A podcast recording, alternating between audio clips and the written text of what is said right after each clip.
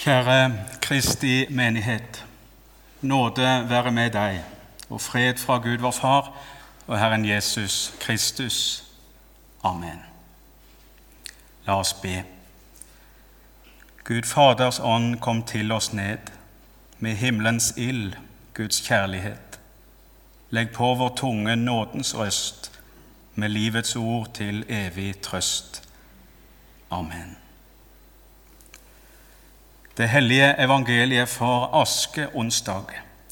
Det står skrevet hos evangelisten Matteus i det tolvte kapitlet, fra det 38. til det 42. vers.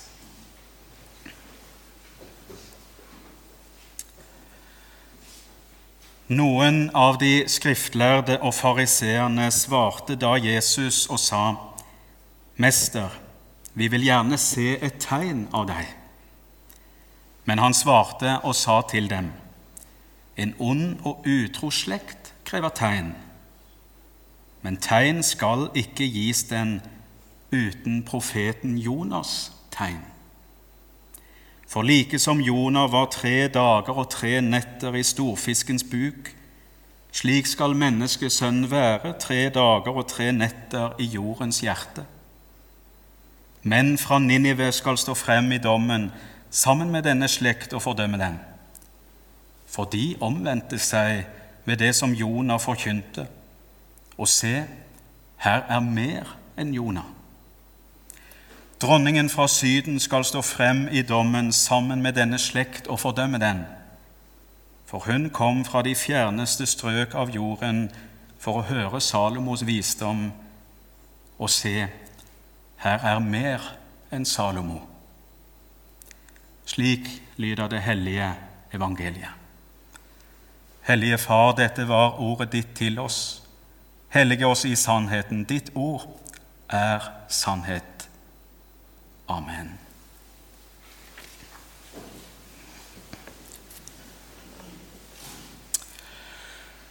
Forkynneren Erling Yrkje han fortalte en gang om bibelsynet til gamle Sigrid hjemme i Rogaland. Hun var så enfoldig, ble det sagt, og hun trodde på Gud.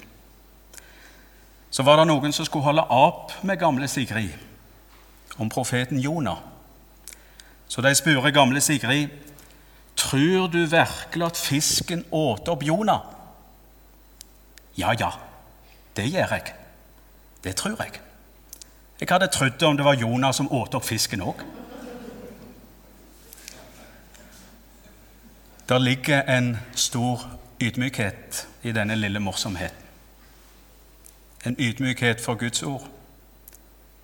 Det er en ydmykhet over at det Guds ord taler, er sant. At det står høyere enn alt hva jeg eller verden tenker og tror, uansett hvor klok og vis jeg og verden sier at vi er. Som Paulus sier i sitt første brev til kirkelyden i Korint. Ordet om korset er vel en dårskap for dem som går fortapt, men for oss som blir frelst, er det en Guds kraft. For det står skrevet:" Jeg vil ødelegge de vises visdom, og de forstandiges forstand vil jeg gjøre til intet. Hvor er en vismann? Hvor er en skriftlærd? Hvor er en forsker i denne verden? Har ikke Gud gjort verdens visdom til dårskap? For da, verken, for da verden ved sin visdom ikke kjente Gud i Guds visdom, fant Gud for godt å frelse dem som tror, ved forkynnelsens dårskap. For jøder krever tegn, og grekere søker visdom, men vi forkynner Kristus korsfestet. For jøder et anstøt og for hedninger en dårskap. Men for dem som er kalt, både jøder og grekere, forkynner vi Kristus, Guds kraft og Guds visdom. For Guds dårskap er visere enn menneskenes, og Guds svakhet er sterkere enn menneskene. Noe av dette er det vi får være sammen om i kveld. Guds dårskap er visere enn menneskene, og Guds svakhet er sterkere enn menneskene. I dagens evangelium er det noen skriftlærde fariseere som ønsker å få se et tegn av Jesus. Jøder krever tegn. De ville ha et slags bevis for at han skulle være Messias. Og hvor mange av oss har ikke hatt lyst til nettopp det? Å få se et tegn på at det er sant, det Guds ord sier. Tenk så lett om vi bare hadde fått et bevis. Da skulle jeg tro. Da skulle alt være så greit. Men Jesus han svarer disse skriftlærde og fariseerne på følgende vis. En ond og utro slekt krever tegn. Men tegn skal ikke gis dem uten profeten Jonas' tegn. De får altså ikke noe tegn. I alle fall ikke nå. Men Jesus sier at en gang skal de få et tegn, men bare ett, nemlig Jonategnet. Profeten Jonas' tegn. Og hva er dette tegnet? Vi begynte preken med forkynneren Erling Yrkes i fortelling om gamle Sigrid hjemme i Rogaland og hennes syn på Jonah. Om hun trodde det var sant at fisken åt opp profeten. Hvor hun svarer ja, ja, det gjør jeg. Det tror jeg. Jeg hadde trodd det om det var Jonas som åt opp fisken òg. Og På sett og vis så har dette siste òg skjedd. At Jonah åt opp fisken. Vi skal komme tilbake til det. Og Det er i grunn noe av det dagens evangelium handler om. Børre Knutsen synger en salme som fører oss inn i dette. Du er den Jonas som springer fra skipet, ut i det rasende uhyres gap. Frivillig lar du deg døpe og gripe. Prestelig gjør du et offer av drap. Skipet som berger seg ved å forkaste, blir til din kirke straks spranget er tatt. Udåd blir frelse, fortvilelse faste. Speilmåren renner av stormflenget natt. Selv må du synke, og tett om din panne vikles en krone av tare og tang, der du avmektig må tumle i vannet inntil du synker i urdypets fang. Synker i skyggene hinsides sorgen, hviler i gravenes dypeste grunn. Synker i natten før skapelsens morgen, hviler på dåpsvannets belgmørke bunn. Det nye testamentet ligger skjult i Det gamle testamentet. Og Det gamle testamentet ligger åpenbara i Det nye testamentet, sier kirkefader Augustin. Jonah er et forbilde på Kristus, som åpenbærer noe for oss om hvem Kristus er. Profeten Jonah er på mange måter et underlig forbilde på Kristus. Samtidig består likheten derav vel så mye av motsetninger som av likheter. Vel sov de begge to godt, selv om det var full storm når de var på båttur. Og vel stilna de begge to stormen, men på noe ulikt vis. Og Derfor er det kanskje lurt å huske at når vi møter Jesus i Det gamle testamentet, så er det bildet av Jesus. Glimt som peker fram mot Han som skulle komme. Jesus er så uendelig mye større og bærer i seg så ufattelig mye mer enn alle de og alt det som peker fram mot Han i vår bibel. For Jesus er Gud. Men det vi finner, er gode bilder som hjelper oss til å se mer og mer av Jesus, og som hjelper oss til å se at hele Skriften vitner nettopp om Han. Og Når Jesus sjøl peker tilbake på Jonah-fortellingen, så gjør vi vel i å lytte og lete og dukke ned i tekstene. For som Børre Knutsen minner oss om i et dikt han skal ha skrevet på innsida av Bibelen til en av sønnene sine Din bibel er fra først til sist et bilde av din Herre Krist. Jesus han forklarer sjøl dette med Jonategnet til de skriftlærde fariseerne. Slik profeten Jonah var i buken på storfisken i tre dager og tre netter, Slik skal også Jesus være tre dager og tre netter i jorddypet. Og så forteller han videre. Her er mer enn Jonah. Her er mer enn Salomo. Og alt vi trenger, er Jonah-tegnet. Jesus kom bare for å gi oss ett tegn, og det var Jonah-tegnet. Vi skjønner at han snakker om sin egen død og sin egen oppstandelse. Jonategnet handler om mannen på korset og den tomme grav. Ikke noe mer, men så visst ikke noe mindre. Og som folket i Ninive vendte om til Gud og ble frelst etter å ha hørt Guds ord forkynt av profeten Jonah, så kan vi få vende om til Gud, vi som får høre forkynt, Kristus korsfestet, for jøder et anstøt og for hedninger en dårskap, men for dem som er kalt, både jøder og grekere, forkynner vi Kristus, Guds kraft og Guds visdom.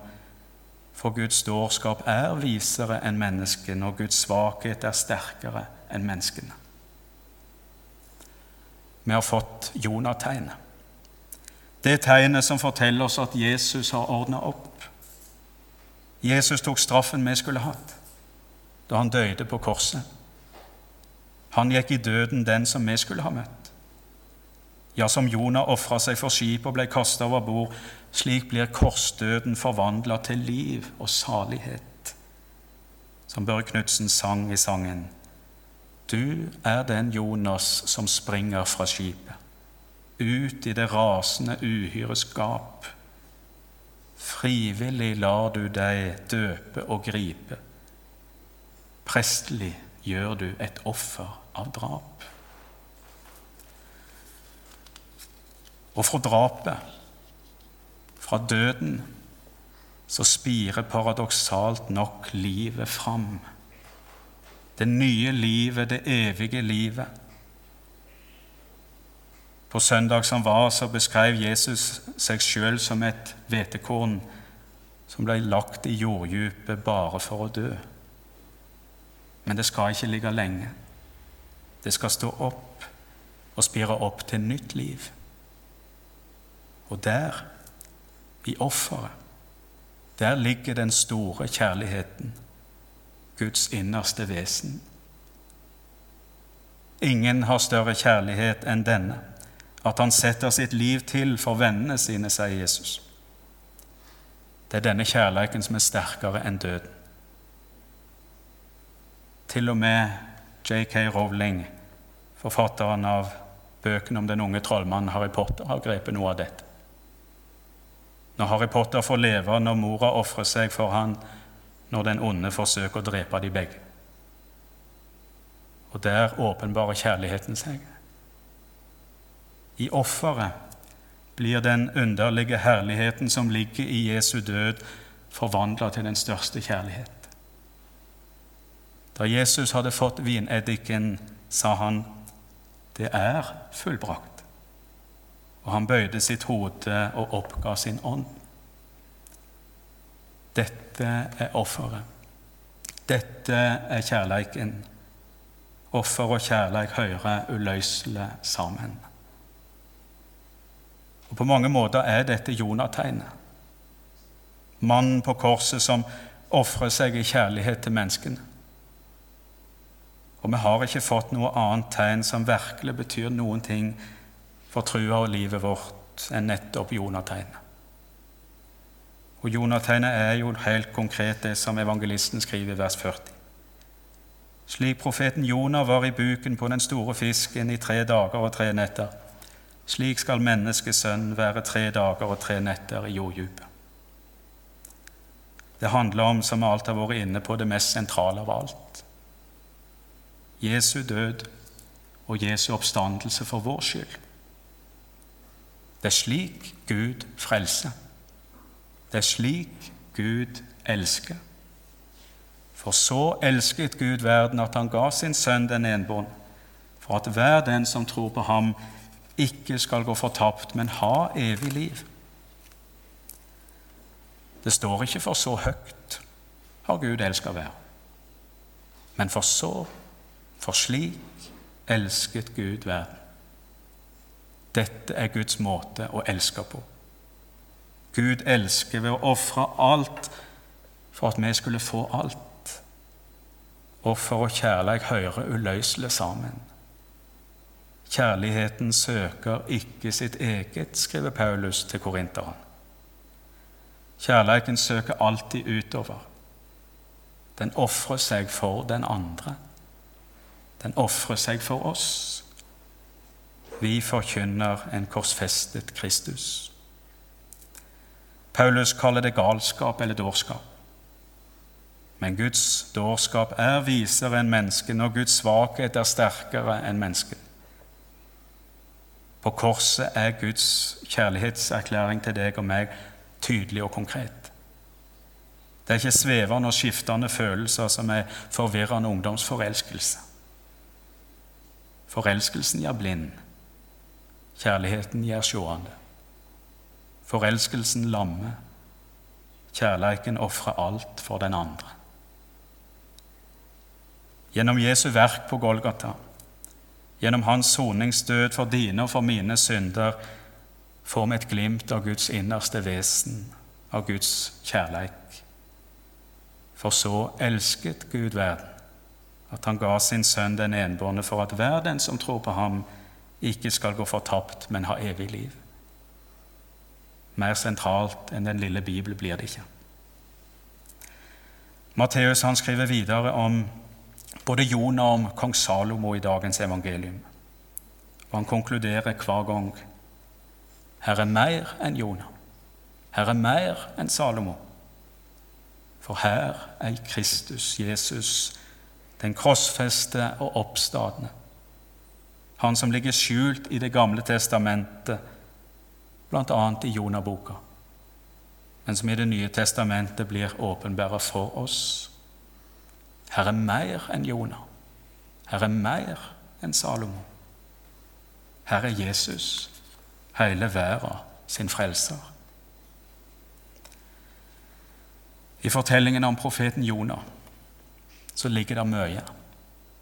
Og Jeg syns dere skal gå hjem og lese profeten Jonah før dere legger dere i kveld. Blant annet fins det en viss parallell i profeten Jonah til kanskje den mest kjente av Jesu fortellinger. Fortellingen om den bortkomne sønn, eller kanskje rettere de to bortkomne sønnene. I Jonas' egen person finner vi på sett og vis begge disse sønnene, som Jesus forteller om i Lukas evangeliets kapittel 5. I den første halvdelen av Jonah-boka så spiller han rollen til den bortkomne sønn som rømmer fra far sin. I den andre halvdelen spiller Jonah den eldre broren. Han som har blitt værende hos faren, og som har gjort arbeidet, men som ikke unner den eller de bortkomne sønnene, den angrende synder, noen nåde. Og Både fortellingen om Jonah og fortellingen om de bortkomne sønnene de avsluttes begge med at Faderen gir et innblikk i sitt innerste vesen, kjærleikens vesen, den kjærleiken som er helt annerledes enn alt vi kjenner. Jonah han sitter sur etter at Gud har spart Ninive, etter at folket vendte om til Gud. Jon han er òg lei seg over at det tre han hadde blitt så glad i, nå var dødt. Alt var i grunnen ille. Sola stakk, og han ville helst bare dø. Og da er det Gud sier til han, Du har medynk med kikkajon-treet, som du ikke har hatt noe strev med og ikke har fått til å vokse. Det ble til på en natt og ødelagt på en natt. Skulle da ikke jeg ha medynk med Ninive, den store byen hvor det er mer enn tolv ganger 10 000 mennesker som ikke vet forskjell på høyre og venstre, og dertil en mengde dyr. Jonah hadde sjøl ikke lenge før satt ord på hva, på hva for en Gud vi har å gjøre med. For jeg visste at du er en nådig og barmhjertig Gud, langmodig og rik på miskunn, så du angrer det onde. Til den eldste sønnen, som bærer mange likhetstrekk med den misfornøyde profeten Jonah. I Lukas evangeliets kapittel 15 så sier Faderen når den yngste sønnen er kommet hjem, barn, du er alltid hos meg, og alt mitt er ditt.